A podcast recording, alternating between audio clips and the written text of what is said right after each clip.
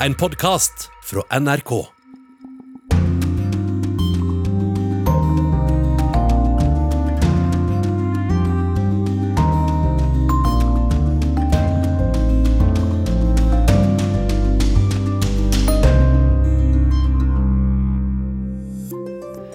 Det er under én måned igjen til presidentvalget i Brasil, der ei spesiell velgergruppe kanskje kan bli helt avgjørende.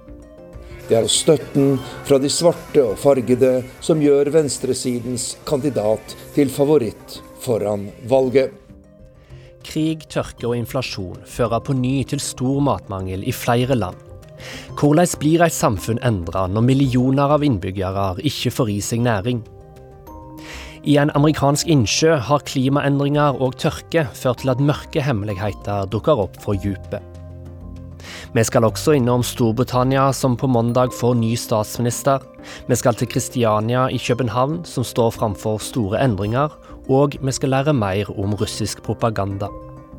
Og korrespondentbrevet handler om alt det som mora til en sjuendeklassing i Washington DC er nøyd til å tenke på. Jeg rødmer fortsatt når jeg tenker på den dagen jeg sendte med potetgull i tredje klasse hjemme i Norge. Men her er det altså lov med ostepop.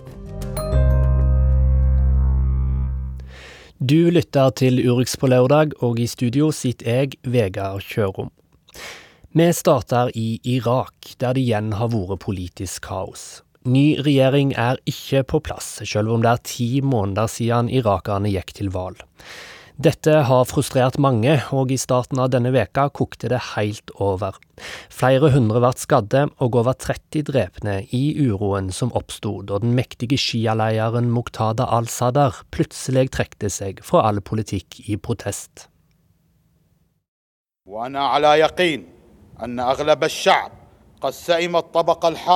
Jeg er sikker på at majoriteten av folket er temmelig lei av den herskende klassen. Det sa Muqtada al-Sadr den 3. august. Iført sin svarte kappe og sin svarte turban snakket den mektige 48-årige sjialederen til sine mange og svært lojale tilhengere. Ikke tro på hva de sier om at jeg ikke vil ha dialog, for vi har allerede forsøkt dialog, og det førte ingensteds hen, verken for oss eller for landet, sa al-Sader fra sin talerstol foran tunge blå gardiner ved siden av ham et irakisk flagg. Så tok han til orde for en demokratisk, revolusjonær og fredelig prosess, oppløsing av nasjonalforsamlingen og nyvalg, siden han har gitt opp forhandlinger. Og sist mandag tvitret han jeg kunngjør herved at jeg trekker meg tilbake for godt. Irak holdt pusten, og så braket det løs. Al-Saders mange tilhengere marsjerte ut i gatene, i Bagdad, Basra og Meisan. Vi skulle ha hatt en nasjonal regjering, for vi er lei disse folkene som har styrt Irak i 19 år. Vi må få en valgt regjering fjernt fra dette sekteriske maktdelingssystemet, sa demonstranten Saad al-Maliki til Reuters. Irak er i hovedsak delt mellom sjiamuslimer, sunnimuslimer og kurdere. Etter valget i oktober i fjor satt Muqtada al-Sadr med den største blokken i nasjonalforsamlingen. Men for å danne regjering må han bygge en allianse. Han valgte det kurdiske partiet KDP og noen sunnimuslimske partier. Muqtada al-Sadr er på kant med en rivaliserende Shia-allianse, der vi finner tidligere statsminister Nouri al-Maliki og den politiske grenen av Hashtal Shabi-militsen, støttet av Iran men ingen av fraksjonene greier å danne regjering. Muqtada al-Sadr fra Kofa ved den hellige byen Najaf har stått støtt i stormer før. Han er fra en innflytelsesrik religiøs familie. Faren, Mohammed Sadek Sadr, sto opp mot Saddam Hussein, og han og flere menn i familien ble likvidert på ordre fra Saddam på 90-tallet. Folk som kjenner al-Sadr, beskriver han som en mann med sterkt temperament og kort lunte. Men først og fremst har han enorm innflytelse over millioner av irakiske sjiamuslimer, mange fra den fattige bydelen i Bagdad som nå heter Sader City. Denne uken marsjerte tilhengerne hans mot Bagdads grønne sone, bydelen der regjeringsbygg, ambassader og presidentpalasset skulle ligge trygt. I palasset fant mange raskt frem til badebassenget, der de kjølte seg ned. Men i gatene ble flere drept i opptøyene, og da volden ikke stanset, fikk de beskjed av sjefen om å gå hjem. De fikk én time på seg. De adlød ordre som demonstranten Abu Haider, som var på vei hjem etter å ha stormet presidentpalasset i Bagdad. Muqtada al-Sadr sa vi skulle trekke oss tilbake i løpet av 60 minutter, så nå går vi hjem. Men hva skjer i Irak nå? Hva blir Muqtada al-Saders neste trekk? Og hvilket spill spiller han egentlig? Det var kollega Sissel Wold som hadde sett nærere på hvem Muqtada al-Sadar er, og vi skal forsøke å bli litt klokere på denne mannen. For det har ofte vært mye fram og tilbake med al-Sadar. Han har til dømes både vært samarbeidspartner og konkurrent med Iraks tidligere statsminister Nouri al-Maliki. Og nå i det siste har han altså tatt en ny heilomvending, fordi han har gått fra å være tydelig på at han krever omvalg, til at han plutselig annonserer at han trekker seg fra alt som heter politikk. Og korrespondent i Midtøsten, Yama Wolasmal, hva er det al-Sadar ønsker å oppnå? Det er ikke godt å vite. Det vi kan med sikkerhet si, at vi er vitne til en, en rå maktkamp i Irak. Eh, Sadr, som fikk flest stemmer ved nyvalget i oktober i fjor, har ikke klart å få på plass denne flertallsregjeringen som han ønsker seg sammen med kurderne og sunnimuslimske partier. Motstanderne hans har nemlig sabotert eh, alle forsøk på en regjeringsdannelse. De mener at han vil styre landet uten dem, og at det bryter med den viktige konsensustradisjonen i irakisk politikk, som da går ut på at regjeringsposisjoner skal deles mellom de mange religiøse og etniske minoritetene i landet. I juli fikk Sadr nok av den fastlåste situasjonen. Da sjokkerte han alle med en politisk manøver hvor han ba sine 73 representanter i parlamentet om å trekke seg i protest. Eh, og det eksperter tror, er at han gamblet og satset på at de andre partiene skulle gå inn i dialog med ham, men da motstanderne hans i parlamentet bare fortsatte arbeidet med å danne en regjering uten Sadrs parti, parti, ja, da rant over for den mektige eh, politikeren. Han sendte ut tilhengerne sine i gatene, og de okkuperte bl.a. parlamentet. Så det er denne konflikten om hvem som skal få danne regjering i Irak, som nå har spredt seg på mange måter fra maktens korridorer i Bagdad til Iraks gater. Mm. Ja, det er politisk kaos i Irak, men i hvor stor grad blir irakisk politikk påvirka utenfra av andre land? Irak er et svært eh, strategisk land i hjertet av Midtøsten, og det gjør det viktig for flere naboland å ha innflytelse der. Eh, og Iran er kanskje den viktigste utenlandske aktøren. De har styrket sin hånd etter den amerikanske invasjonen som fjernet mannen som holdt det iranske regimet i sjakk, nemlig Saddam Hussein. Eh, iranerne har støttet både politiske og væpnede grupperinger i Irak, og de nøler ikke et sekund med å trekke i trådene hvis Irak går i en anti-iransk retning. Men det blir for enkelt å si si at problemene vi nå er vitne til, bare skyldes iransk innblanding. Dette er også et resultat av den amerikanske okkupasjonen og den mislykkede demokratibyggingen eh, som ble satt i gang etter invasjonen i 2003. Eh, og En av konsekvensene ble jo at politiske partier i Irak i dag har væpnede militsgrupper som sendes ut i gatene hver gang politikerne ikke får viljen sin gjennom politiske forhandlinger. Men hvorfor skal resten av verden bry seg om dette politiske kaoset i Irak? Jo, fordi uro i Irak fort kan true vår sikkerhet i trygge Europa. Dette er et dypt splittet land. Man har et politisk system som fungerer dårlig. Det er vi vitne til nå. Og hvis den type uro som vi har sett de siste ukene kommer ut av kontroll, og landet igjen sklir ut i en borgerkrig, ja da vil f.eks. terrorgrupper som IS igjen kunne slå seg opp. Eh, vi må ikke glemme at det bare er åtte år siden IS-terror her marsjerte inn i Mosul i Nord-Irak og terroriserte en hel verden derfra. Eh, men det er ikke bare økt terrorfrykt vi skal være bekymret for. En potensiell konflikt i Irak kan også føre til at vi får det enda trangere økonomisk. Irak er nemlig en av verdens største oljeprodusenter, og en væpnet konflikt der vil sende oljeprisen til værs, og på den måten sende sjokkbølger gjennom verdensøkonomien. Hvis vi skal forsøke å se litt på løsninger, hva mulige veier finnes nå framover for Irak og politikerne i landet?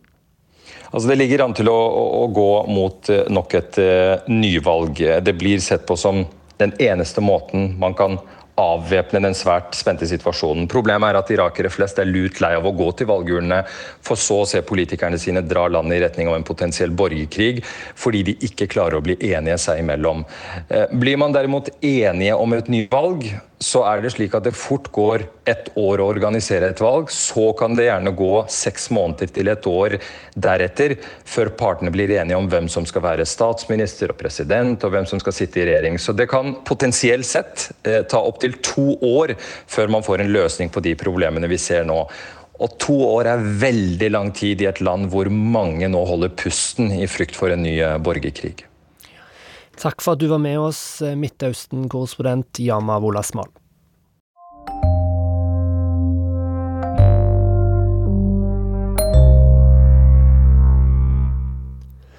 Hvordan går det egentlig med de ukrainske soldatene som er tatt til fange av Russland? Det er vanskelig å vite noe om, også for de næreste pårørende. Da Roger Severin Bruland besøkte Ukraina i sommer, møtte han to kvinner som håper at de snart får livstreiken fra sine kjære. Kvinnene mener verden bør gjøre mer for ukrainske soldater som er i russisk fangenskap.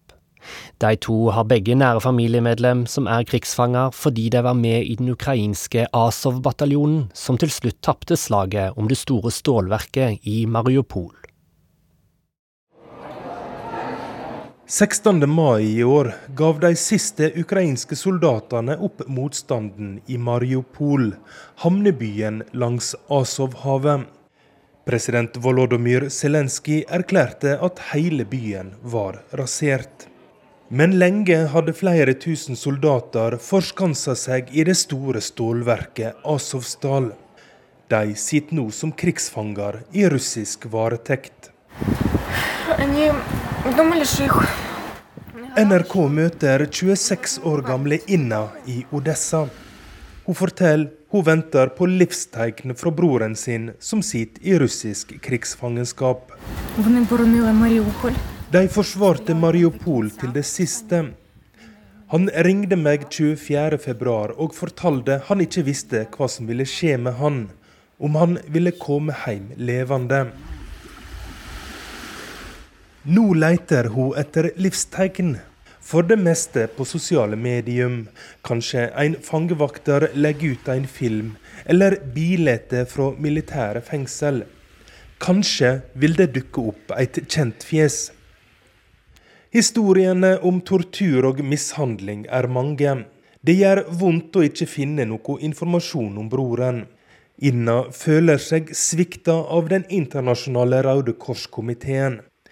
Det er de som skal følge opp krigsfangene og passe på at partene i en krig følger krigens regler. Ifølge Genévekonvensjonen har krigsfanger lov til å sende brev. Men Inna forteller at verken hun eller andre pårørende har hørt noe fra krigsfangene eller Den internasjonale komiteen for Røde Kors Ми отже зборемось над тим, щоб якось Червоний Хрест почав працювати. Vi forventer at Røde Kors gjør jobben sin, men det skjer ingenting. De har hatt god tid til å besøke fengslene. Det er så mange mennesker i verden. Kan ikke de gjøre noe for å legge press på den russiske føderasjonen? Ukraina trenger den hjelpa nå, forteller hun til NRK. Одного на ну, цю країну Російську Федерацію Venninna Irina nikker ved siden av. Hun er 22 år og gift med en ukrainsk marinesoldat som noen måneder før krigen brøt ut, ble sendt til Mariupol. Sist jeg hørte fra han, var 7. april, forteller hun. Og det gjelder ikke bare meg. Det er flere mødre, søstre, ektefeller som ikke har hørt fra sine kjære på fire måneder. Null informasjon. Vi ber hele verden om hjelp til å finne dem, forteller hun. Av de 2500 soldatene som overgav seg ved stålverket i Mariupol, var om lag 900 fra det mye omtalte Azov-regimentet. Regimentet ble legendarisk i Ukraina da de klarte å stoppe et angrep på Mariupol i 2014. Men fra russisk side har Azov-regimentet blitt selve symbolet og beviset på at Ukraina er fullt av nazister. Dette gjør Inna sint. Jeg kan ikke fordra russisk propaganda, forteller Inna. Det var Russland som invaderte oss, så hvordan kan de kalle oss nazister? Det er russerne som kom hit. Soldatene i Mariupol forsvarte landet vårt, så hvordan kan du kalle dem nazister? Russerne prøver å fortelle oss at de skal frigjøre oss, men vi var allerede frie. Vi hadde landet vårt, ungene våre, familiene våre. Jeg hadde en bror. Nå sitter han i et russisk fengsel. Så hvem her er egentlig nazist, spør hun til NRK. Vi hørte Inna fra Ukraina være frustrert og sint og opprørt over måten både landet hennes og bror hennes blir omtalt på av Russland. Naziststempelet er Russlands verk, mener hun, og peker på Russlands propaganda som årsaken til at folk i det hele tatt snakker om at det finnes nazister i Ukraina. Og vi skal snakke mer om russisk propaganda nå, for det florerer med falsk informasjon der ute, og ofte er den vanskelig å oppdage. Dette her bruker du mye tid på å forstå, Eskil Grendal Sivertsen, spesialrådgiver i Forsvarets forskningsinstitutt. Velkommen til Urix på lørdag. Tusen takk for det. Vi skal holde oss til å snakke om Russland og deres bruk av propaganda, selv om de ikke er alene om å bruke propaganda. Hva er det Russland forsøker å få oss til å tenke når de tar i bruk eh, slike verkemidler? Det er, det er, flere ting de forsøker å få oss til å tro på. Eh, og det er jo mm, for å, for Blant annet for å forsøke å skape en slags forståelse for Eller at folk skal tenke at ja, men vi forstår hvorfor Russland gikk til krig mot Ukraina. For å legitimere krigen, rett og slett. Eh, så disse, mm, disse fortellingene som de serverer, det er jo mange av dem. Og en av dem er jo at, eh, som det ble nevnt i reportasjen, at eh, Ukraina styres av nazister. Det er jo én sånn fortelling som serveres særlig til den russiske befolkninga, men også mot Vesten. Og det er klart, I Vesten så har jo den, akkurat den fortellinga en ikke så god klangbunn. Men i Russland så har, har de jo endra betydninga av nazisme. Det er jo noe annet enn det vi tenker på i, i Vesten. Eh, så, så, det er jo en del av en måte, Putins måte å eh, både omskrive historien på, men også å få, få, denne konflikten til å passe inn i nærmest en sånn videreføring fra andre verdenskrig og den store fedrelandskrigen eh, for å mobilisere russere og få støtte i russiske befolkninger. Finnes det noen typiske teknikker som man ser at Russland tar i bruk for å påvirke vår måte å tenke på? Ja, det er veldig mange har blitt. Eh, med internett og sosiale medier så, så har jo det åpna opp for helt nye muligheter å drive påvirkning på. Eh, I forskninga så skiller vi mellom det som er åpent og det som er fordekt. Eh, og det er jo veldig mye som skjer åpent. Alle uttalelser fra russiske myndigheter eller fra russisk ambassade osv. Og, så videre, og talspersoner er jo, er jo, åpent. Og selv om de sprer massevis av løgner, så, så foregår det jo det åpent, og det må man jo bare stå og lyve åpent hvis man vil. Ehm, men eh, forskjellen nå er jo eh, den skjulte manipulasjonen på sosiale medier. og Da snakker vi om å ta i bruk Russland har laga et svært egentlig økosystem av eh, falske nettsider, som vi kaller proxy-sider. Og De spyr ut av enorme mengder eh, informasjon, som er en blanding av falsk og falske og ekte nyheter, kan man si. Det handler ikke nødvendigvis om å få oss til å tro på en løgn, men det handler nok vel så mye om å skape tvil. Eh, hva er egentlig sant? Vi hører så mye om disse nazistene og biolaboratorier og masse sånne historier og fortellinger som serveres, som kan være egnet til å skape tvil, i hvert fall ubevisst. Mm. I Norge har mange etter hvert lært en god del om kjeldekritikk, og at det er viktig å være kritisk nå om hva en leser. Men hva med andre land der både lese- og skriveferdighetene er dårligere, og hvor det kanskje er mangel på, på frie og veletablerte mediehus? Da er man nok mer sårbar for, for propaganda. Uh, I mangel på etablerte, troverdige kilder hvor du kan ha tillit til at du får sannheten. Som vi i Norge uh, heldigvis fortsatt har høy tillit til pressen. I land hvor du, ikke har, hvor du enten ikke, altså ikke, har troverdige medier, eller hvor man ikke har tillit til dem, så vil man jo befolkninga da søke andre nyhetskilder. Eh, og da er man jo mye mer sårbar for å havne på nyhetskilder, eller havne inn i, i alt ifra altså feilinformasjon til konspirasjonsteorier. Mm. Russland forsøker å påvirke andre, men er det ikke slik at også f.eks. Norge forsøker å påvirke med sin utenrikspolitikk? Hva er det som skiller eh, Norges påvirkningsarbeid og Russlands påvirkningsarbeid? Ja, alle stater driver jo med påvirkning. Eh, alle mennesker driver med påvirkning. Eh, vi driver og påvirker hverandre hele tida. Valgkamp er jo bare påvirkning for å få oss til å mene noe og stemme på noe og gjøre noe. Eh, så det er jo ikke ulovlig, og det kan jo heller ikke bli ulovlig. Og det er det som, sant, som kan gjøre det litt krevende. Den store forskjellen mellom måten Russland opererer på og andre kan si, liberale demokratier i hvert fall, er jo denne skjulte manipulasjonen. Altså det å drive med massiv produksjon av løgner villedning, eh, tåkelegging og bruke skjult manipulasjon på sosiale medier som ikke vises, men som eh, er egnet til å påvirke samfunnsdebatten uten at vi er klar over det. Den type virkemidler er jo noe som typisk land som, som Russland og Kina i større grad driver med. Mm. Takk for at du kunne komme i Urix på lørdag, Eskil Grendal Sivertsen.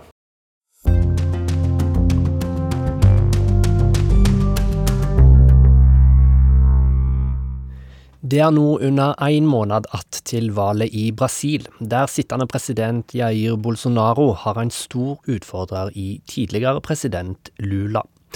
Vår mann i Brasil, Arn Stefansen, har snakka med folk som tilhører ei gruppe som kan bli helt avgjørende i det brasilianske valget. For mange av brasilianerne som har mørk hud og røtter tilbake til Afrika, mener at den ene presidentkandidaten er et klart bedre alternativ enn den andre.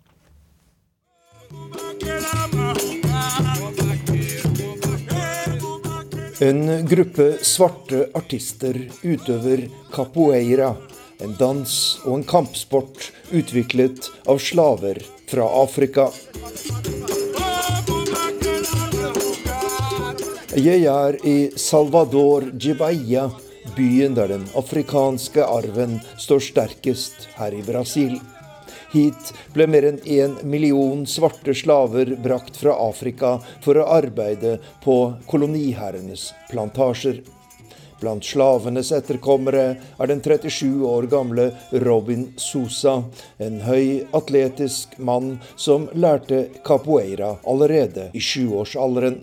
Criou a capoeira para se defender dos senhores dos engenhos Slavene utviklet capoeira for å forsvare seg mot brutaliteten fra plantasjeeierne. Da slaveriet tok slutt her i Brasil i 1888, fortsatte mange å utøve denne sporten. Og i dag er den en viktig del av den afro-brasilianske kulturen, sier 37-åringen. Og arven fra slavene har ikke bare en kulturell betydning. Den er også en viktig faktor når Brasil går til valg om fire uker. For 60% av brasilianske velgere er svarte eller fargede. De er langt fattigere enn de hvite, og de stemmer annerledes. Nós den tidligere presidenten Lula da Silva har ledet på alle meningsmålinger foran valget den 2. oktober. Lula kommer fra en lutfattig familie og har bekjempelse av fattigdom som sin flaggsak. Mer enn 30 millioner brasilianere ble brakt ut av fattigdommen da han styrte landet fra 2003 til 2011. Det er avgjørende for capoeira-artisten Robin Sousa. No governo como está hoje, atualmente de hoje, eu prefiro o governo de Lula. Slik situasjonen er i dag, med dagens president Jair Bolsonaro, foretrekker jeg en regjering med Lula. Jeg er svart, og jeg kjenner de fattiges kår her i Brasil. For oss var situasjonen mye bedre i Lulas regjeringstid, og vi følte oss respektert på en helt annen måte enn i dag, sier Robin Sosa.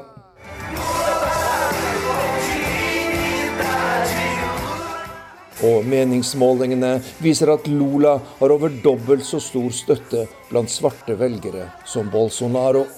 Blant de fargede er tallet 38 mot 24% i Lulas favør, mens de hvite velgerne er omtrent likt fordelt mellom de to kandidatene.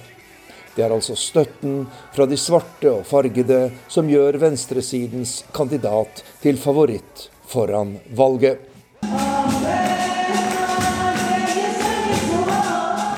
Jeg er på gudstjeneste i kirken Rosario dos Pretos, de svartes rosenkrans, i Salvador de Bahia.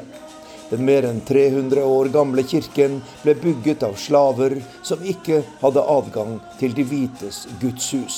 Og den er et ikon i Brasils afro-brasilianske historie. Presten Lazaros Silva Moniz sier dette om de svartes situasjon i dagens Brasil. Fomos libertados do, do, do chicote vi blir ikke lenger pisket som under slaveriet, men den sosiale og økonomiske pisken preger fortsatt livet for svarte brasilianere. Vi må bo på de dårligste og farligste stedene.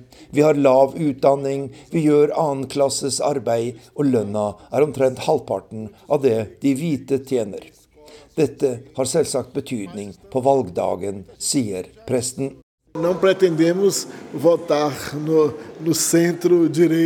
De færreste av oss støtter sentrum-høyre-partier. Det er jo denne delen av det brasilianske samfunnet som holder oss nede, som dreper våre unge, og som har høstet fruktene av vårt arbeid. Derfor støtter vi først og fremst svarte og fargede kandidater, fordi de kjemper vår kamp men også hvite kandidater som er på vår side, som Lula da Silva, sier Lasaros Moniz, prest i kirken De svartes rosenkrans her i Salvador.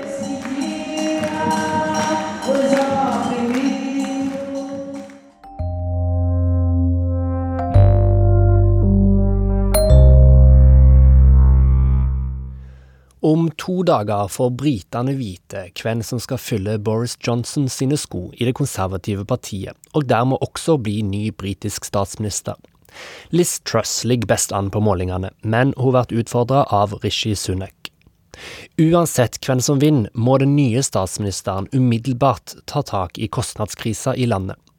Korrespondent Gry Blekastad Almås har møtt noen av de britene som har det ekstra vanskelig økonomisk akkurat nå. Towns like this, there's nothing going on. Vi er på pub i den tidligere gruvebyen Bishop Auckland nordøst i England. Et område som er blant de som er hardest rammet av kostnadskrisen i Storbritannia. Byen er døende. Den har vært det lenge, men i det siste har situasjonen forverret seg ytterligere for mange. People shouldn't have to go to food banks.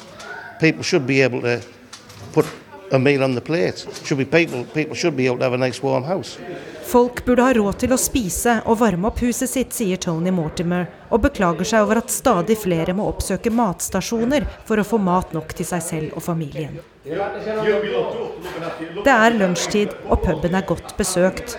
Ingen spiser, men alle har tatt seg råd til en pint. Mortimer er forsørger for sin 81 år gamle demente far, men inntekten er knapp. It'll be hard in the winter, just because of the heating. Gassprisene til oppvarming har skutt i været, og bare det alene gjør at Tony Mortimer ser mørkt på vinteren som kommer. Uh,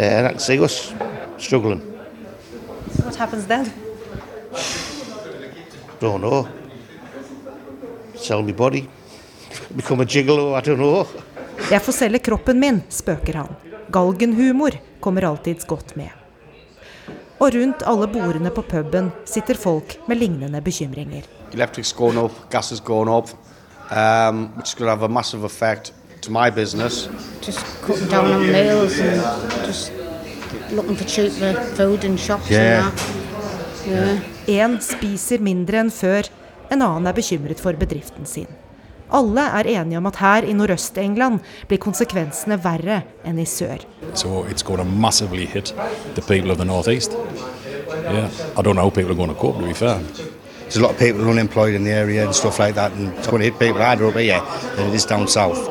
Mandag får de vite hvem som blir deres nye statsminister, hvem som skal lede dem gjennom denne krisen. Men de har ingen illusjoner om at redningen kommer deres vei. It makes no difference. It no difference at all. Hvem som blir Storbritannias nye statsminister, får du altså vite klokka halv to på mandag, og allerede tirsdag flytter vedkommende inn i statsministerbostaden i Downing Street. Nå er tida inne for et godt gammeldags kriminalmysterium i Urix på lørdag.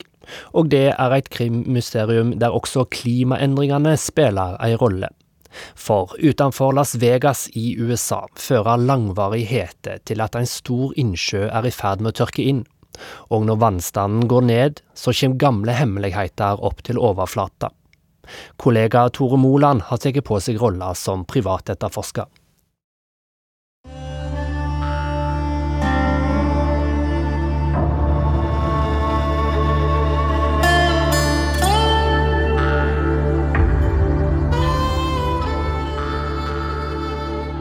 Det er knusktørt, det er glohett, og det er langt ute i ørkenen på grensa mellom Nevada og Arizona. At det skulle ligge en stor innsjø her, virker nesten naturstridig. Og det er det også. Lake Mead ble laga av mennesker den gangen Coloradoelva ble demma opp av den enorme Hoover-demningen, bygd under depresjonen på 1930-tallet. Siden den gang har innsjøen vært USAs største drikkevannskilde. Men nå er det mye mindre vann her enn det har vært før. According to this map right here, all of this should be underwater. Is that crazy? Bill Bradley guider et fransk fjernsynsteam ut på Lake Mead. Han viser oppover i fjellsida hvor høyt vannet pleide å stå. Og han peker på gamle båter som en gang lå på bunn, men som nå plutselig står på tørre land. That's one of the boats that were there. This used to be 60 feet deep.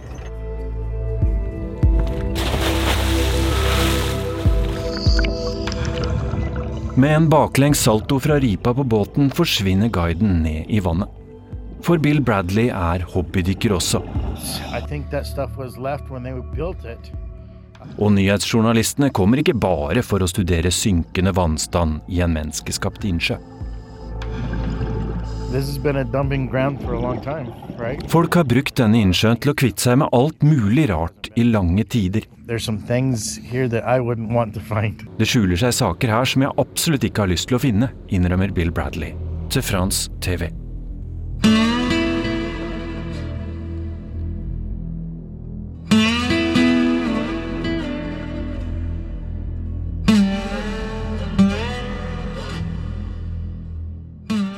Så hva skyldes denne internasjonale medieinteressen? Det begynte i mai, da ei rusten og værbitt 200 liters tønne skylte på land. Inni tønna skjulte det seg levningene av et menneske. Og det mennesket var en gang i tida blitt skutt i hodet. We believe the incident occurred in the late 1970s to early 80s, and we're basing that upon footwear and clothing that the victim was found wearing. And we know that that footwear and clothing was sold at Kmart. Klærne og skoene gjør at vi tror dette mennesket ble drept på slutten av 1970- eller begynnelsen av 1980-tallet, sier politioverbetjent Ray Spencer ved drapsavdelingen i Las Vegas-politiet til CNN. That is definitely and clearly a homicide investigation. I løpet av sommeren har det til sammen fem ganger blitt funnet levninger av døde mennesker langs strendene til Lake Mead. Ingen vet ennå hvem ofrene er, eller hvor mange de er. Men mistanken går fire mil vestover, fra Lake Mead til gamblingbyen Las Vegas og til mafiaen der. Så la oss i beste detektivstil forsøke å følge sporet videre dit.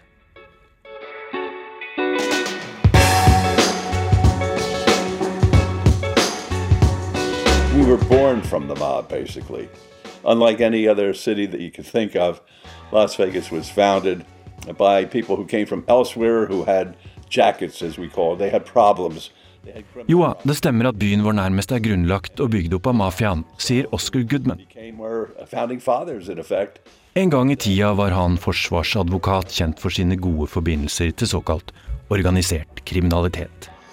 Seinere ble han ordfører, kjent for å like å bli tatt bilde av med en martini i hånda og ei sparkepike i hver armkrok. Den gamle ordføreren har latt seg sitere på at Lake Mead slett ikke er noe dumt sted å gjemme et lik. Men til Associated Press sier han at han fortsatt ikke er helt sikker på om det er mafiaen som står bak. Bullet.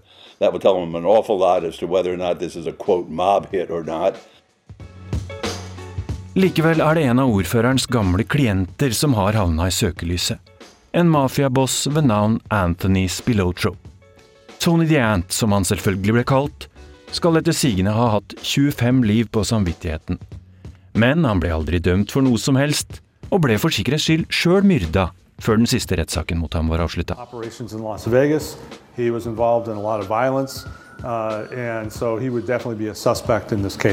En voldelig type, involvert i det meste. Helt klart en mistenkt når lik nå begynner å dukke opp, sier historiker Joff Schumacher ved Mafiamuseet i Las Vegas. Putting bodies in barrels. It is something that the mob has done for many, many years. It's the closest body of water to Las Vegas. It's very deep in places. It would make sense to, to, to dump a body there. Å gjemme lik i tønner er noe mafiaen holdt på med i årevis. Og Lake Mead er det nærmeste gjemmestedet til Las Vegas, spekulerer mafiahistorikeren. Men det har gått 35 år siden Tony the Ant ble drept, og ingen DNA-prøver har ennå avslørt hvem det nå er som dukker opp fra innsjøen.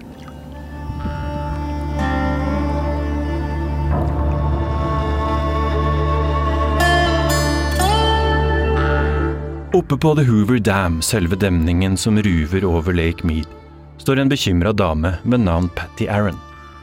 Hun jobber for The United States Bureau of Reclamation, den føderale etaten som forvalter vannressursene.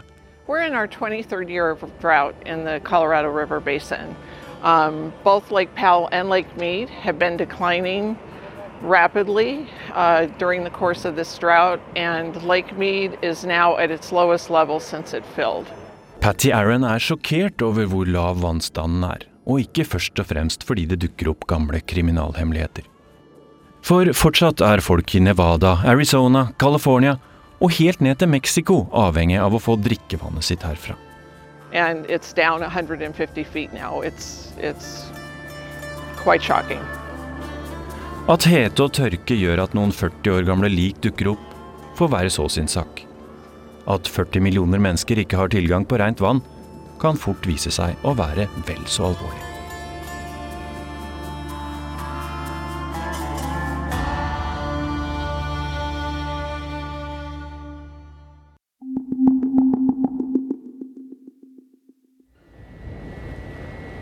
Dette er lyden av motoren til et skip, og sannsynligvis det skipet som har blitt mest fotografert denne veka. For endelig nådde Brave Commander fram til Afrikas Horn, fullasta med 23 000 tonn korn fra Ukraina. Det er en stund siden forrige skip tok den samme ruta, og siden det nå er tørke på Afrikas Horn, har det skapt en større krise enn det en har sett på lenge. Dette er lyden av yrende liv på en marknad i Somalia. Grønnsaker, ris og korn er lagt ut på et pledd på bakken, og dyr blir både solgt og kjøpt.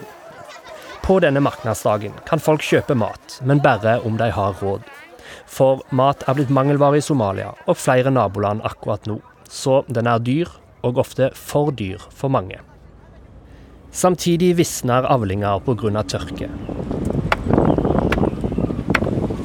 Ute på ei vindfull slette står folk på rekke og rad, og de forsøker å kjempe mot denne tørka.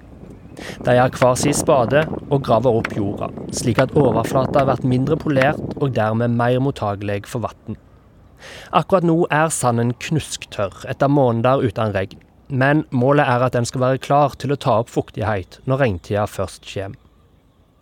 Slik som dette er situasjonen på Afrikas Horn akkurat nå, og også deler av Sentral- og Vest-Afrika er rammet av tørke og matmangel. Millioner av mennesker er sultne, og mange av de er kraftig underernærte.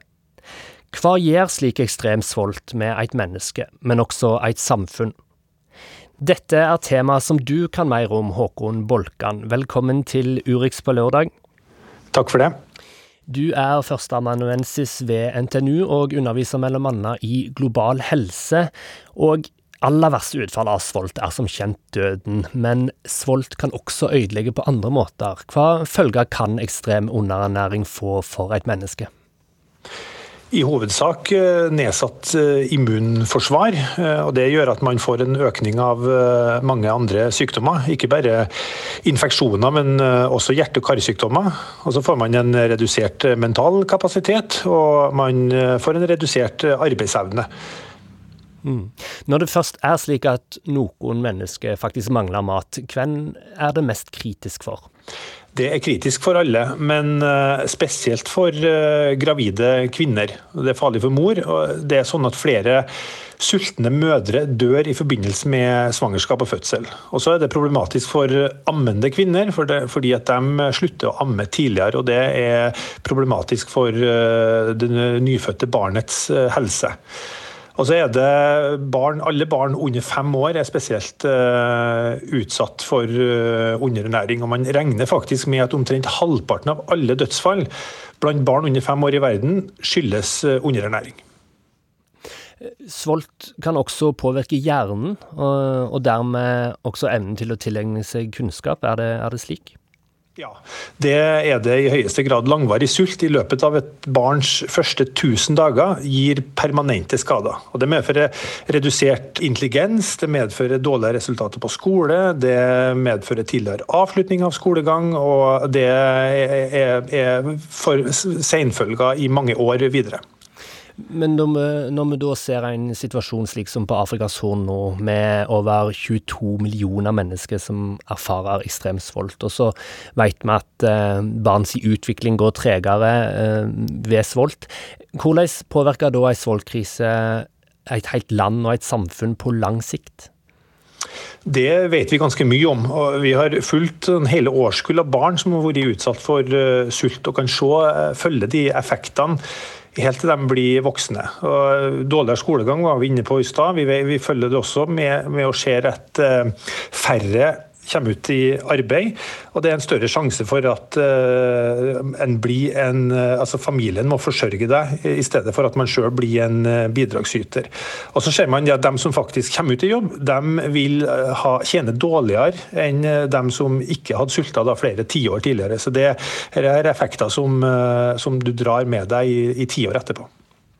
Men det å redusere sult har jo vært et, eh, både et tusenårsmål, og nå er det et bærekraftsmål som, som FN er veldig opptatt av. Eh, har det vært noe framgang på dette feltet de siste åra? Ja, det har det faktisk. I år 2000 så var det 200 millioner barn under fem år som var underernært. 20 år etterpå, i 2020, så var det tallet 150 millioner. Men med koronapandemien så har vi sett en eh, økning i de eh, tallene igjen. Og da er det jo først og fremst eh, prisen på mat som gjør at færre har tilgang til det, som gjør at det forverrer seg. Og da er det igjen så er det de aller fattigste og de mest marginaliserte landene og befolkningene som er mest affisert. Afrikas Horn, Jemen, flere land i Afrika sør for Sahara. Takk skal du ha, Håkon Bolkan, for at du var med i Urix på lørdag.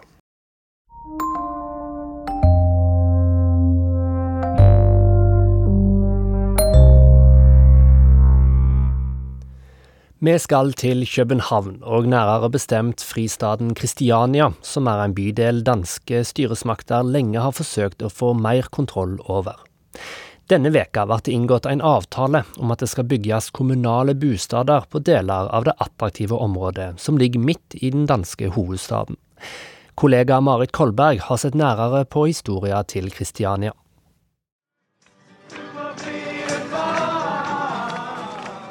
I 1971 tok en gjeng med hippier over da militæret hadde forlatt noen kaserner midt i København. Virkelig et sted hvor det er muligheter for at vi kan skape noe som her ville de bo og bestemme selv.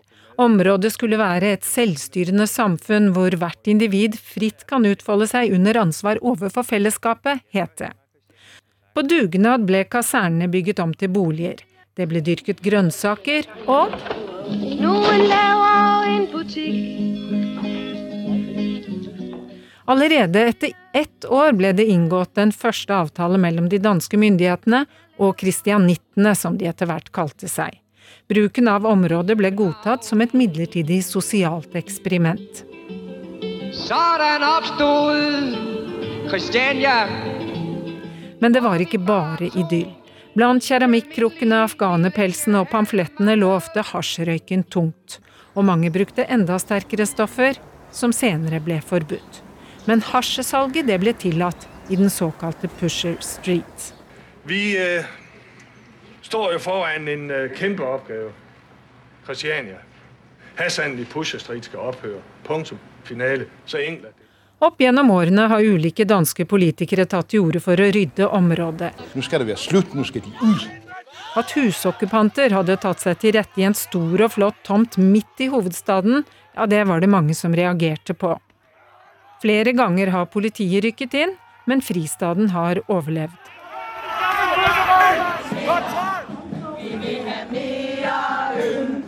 Og den har bl.a. feiret 50-årsdag. Det ble starten til Kristiania. I dag bor det ca. 700 voksne og 150 barn i Kristiania. Området blir besøkt av rundt en halv million turister hvert år. Ja, stedet er faktisk den fjerde største turistattraksjonen i København. Beboerne betaler Kristiania-moms på det de tjener. Guidene som viser folk rundt, eller de som dyrker grønnsaker, driver kafeer eller selger annet håndverk. Bortsett fra hasjen som selges i Pusher Street. Kristianittene forklarer det med at det er penger de ikke vil ha, så dermed selges hasjen momsfritt. Siden 2012 er det fondet Fristaten Kristiania som eier området, etter å ha kjøpt det for 76,2 millioner danske kroner. Og beboerne har forpliktet seg til å overholde lover som de tidligere ikke ville forholde seg til. Det er siste sjanse for kristianitterne som her til aften drøfter om de vil si ja eller nei til en avtale om Sist søndag måtte beboere i Kristiania forholde seg til nok en sak. 500 av dem møtte på allmøte, og der ble de sittende til langt på natt. De skulle ta en vanskelig beslutning. For skulle de si ja til at det skulle bygges 15 000 kvadratmeter med såkalte allmenne boliger inne på deres område? Med allmenne boliger blir det slik at myndighetene skal bestemme hvem det er som får bo der, og ikke kristianittene slik det er i dag. Og 15 000 kvadratmeter, ja det er ca. en tredel av den plassen de har nå. Kristiania styres ved noe de kaller konsensusdemokrati. Man stemmer ikke for eller mot et forslag. Alle synspunkt skal høres, alle skal få komme med sine bekymringer, og søndagens møte var til helt til klokka halv to på natta. Men til slutt var man altså kommet fram til at de ville inngå en avtale med myndighetene. Kristianias advokat hadde nok nådd fram med budskapet om at alternativet var at de ellers rett og slett ville gått konkurs. Så vi føler vi har hatt pistolen for pannen. Men til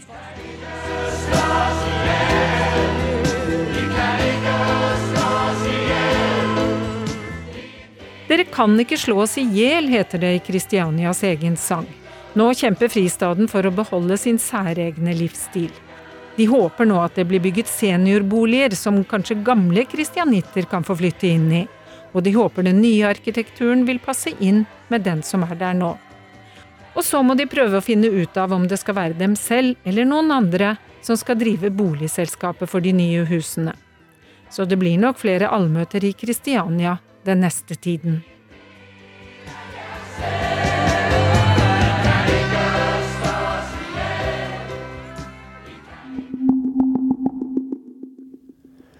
Korrespondentbrevet kommer denne gangen fra Tove Bjørgaas i Washington DC. Der var det skolestart denne veka, og da gjelder det å følge med i timen. Matboksen er blå, og den kom på døra mindre enn et døgn etter at jeg bestilte den. For en gangs skyld gjør vi et forsøk på å være forberedt til et nytt skoleår. Det ble så mye surr i fjor da sønnen min og jeg flyttet tilbake til USA midt i sjette klasse men nå i sjuende skal det bli bedre. Derfor er første steg korrekt matboks. Akkurat sånn som de andre har. Det er en sånn i plast med tre små og ett stort rom. Slik at barnet selv kan komponere en lunsj av middagsrester, frukt og grønnsaker i biter, og kanskje bare litt ostepop eller potetgull. Vi er jo i USA. Men jeg rødmer fortsatt når jeg tenker på den dagen jeg sendte med potetgull i tredje klasse hjemme i Norge. Men her er det altså lov med ostepop. Nå ligger de oransje bitene og blir passe klamme under det fancy, tette lokket til den blå matboksen. Den har til og med et lite rom med plass til en sånn gaffel i plast som ser ut som en skje, slik at den kan brukes som begge. Så bra gaffelen er i plast, da, mamma, sier sønnen min lettet. Det er jo ikke lov å ta med gaffel i metall gjennom sikkerhetskontrollen. Nei, det er forbudt med ordentlig gaffel og kniv i metalldetektorene på skolen. Slikt kan brukes som stikkvåpen. Vi ler av og til litt av pølsespiddet som ofte lå i skolesekken hjemme i Norge. Det hadde blitt konfiskert av sikkerhetsvaktene med en gang, og trolig ført til utvisning her, tror sønnen min. Den gamle sangen om bakvendtland kunne passe i sammenligningen av norsk og amerikansk skolestart. Jeg sier ikke at det er bakvendt her, det er bare annerledes. For det første begynner ungdomsskolen allerede i sjette klasse. Selvsagt med karakterer og nivåinndeling i eksempel matte. På skolens portal kan elevene konstant følge med på hvordan de ligger an i ulike fag. Og det gjør de. Og på hver prøve og innlevering står det skjematisk oppført hva du må gjøre for å få A, B eller C. For det andre er de andre i klassen slett ikke de samme som i fjor. Den sosiale filosofien i det offentlige amerikanske skolesystemet skiller seg kraftig fra den norske.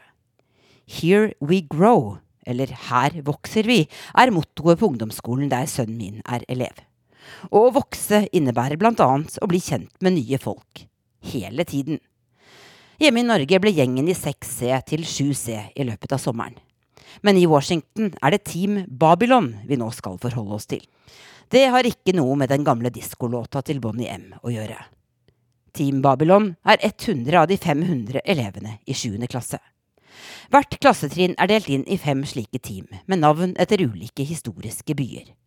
Og hvert år blir de 500 barna på trinnet stokket om og plassert i nye team. Barna har alle fagene sine i mindre grupper satt sammen av de 100 barna på teamet. Gjennom skoledagen vandrer de mellom klasserommene til geografilæreren, mattelæreren, engelsklæreren og fransklæreren. Den tryggheten klassen vel er ment å gi i Norge, er her erstattet med muligheten til å starte på nytt hvert eneste år. Nei til fastlåst gruppedynamikk. Men dette fører også til nerver og uro i dagene før skolestart. Alle har fått en liste over hvilke lærere de skal ha. Lærerne er selvsagt også nye fra i fjor, for de er eksperter på 7. klasse. På Snapchat-gruppa til vennegjengen fra 6. klasse sammenlignes listene. Har du samme lærer som kompisen din, har du trolig kommet på samme team. Lite skaper så mye diskusjon som hva som er best for barnet ditt. Selv har jeg vært skeptisk til måten de gjør det på her. Men det virker faktisk overraskende bra. Første skoledag sist mandag kom tolvåringen sliten, men glad og fornøyd hjem. Han kunne fortelle at han hadde fått flere snille lærere, alle faktisk, og kommet på samme team som to av vennene sine. Samme ettermiddag fikk jeg dessuten en telefon. Det var kontaktlæreren Mr. Namien som ville fortelle at han bare ringte for å opprette kontakt, slik at de kunne få et godt skoleår. Han kunne fortelle at de fleste av lærerne på Team Babylon har jobbet sammen i fem–seks år. De planlegger undervisningen sammen, og slik blir teamet på 100 som en liten skole i den store skolen. Det er mye debatt om den offentlige skolen i USA. Landet har lenger enn de fleste hatt obligatorisk 13-årig skole men mange steder kjemper foreldre og politikere nå imot systemet. I eksempel Florida ønsker en mektig foreldrelobby å gjøre det lettere for foreldre å velge hva slags type skole de vil sende barna sine til, fordi de mener den offentlige skolen er blitt for venstrevridd. Gjennom pandemien fikk dessuten privatskoler mange nye elever, og stadig flere foreldre har begynt å undervise barna sine hjemme. Her i venstrevridde, men elitistiske Washington DC er det også debatt. Det er mange svake skoler her. Men fordi vi bor i et velstående nabolag, har sønnen min plass på den beste offentlige ungdomsskolen i byen. Her legger ressurssterke foreldre ned stor innsats på skolen.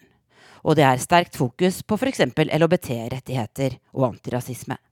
Noen kvartaler unna ligger dessuten noen av USAs dyreste privatskoler. Der kan du for en 400 500 000 kroner i året gi barna dine strålende muligheter for framtida. Jeg kjenner barn som har besteforeldre som tar seg av disse skolepengene. 400 000 i 13 år, det blir grunn- og videregående skole, til 5,2 millioner kroner. Det er enorme inntektsforskjeller i den amerikanske hovedstaden. Og mens noen rike foreldre mener privatskole er det eneste som er bra nok for deres barn, kjemper andre hardt for å få plass på skolen til min sønn. Uten riktig adresse må du vinne i skolelotteriet for å få det. Det er helt sant. Foreldre fra andre deler av byen kan vinne en plass til barnet sitt her på vestkanten. En del av plassene på skolen er satt av til de som vinner i lotteriet. Hvis ikke hadde det nesten bare vært hvite barn på skolen vår. Urix på lørdag takker av for denne gang, og er selvsagt tilbake igjen allerede neste lørdag. Men husk at du også finner oss i NRK radioappen på mobilen din, eller i vår nettradio. Da kan du lytte til oss når du sjøl skulle ønske det, og du vil også finne mange andre gode radioprogram og podkaster. Slik som podkasten Oppdatert, der du finner episoder om både Taiwan, Al Qaida og prinsesse Diana. Teknisk ansvarlig i dag var Lisbeth Sellereite. Produsent var Arild Svalbjørg, og i studio satt jeg, Vegard Kjørom.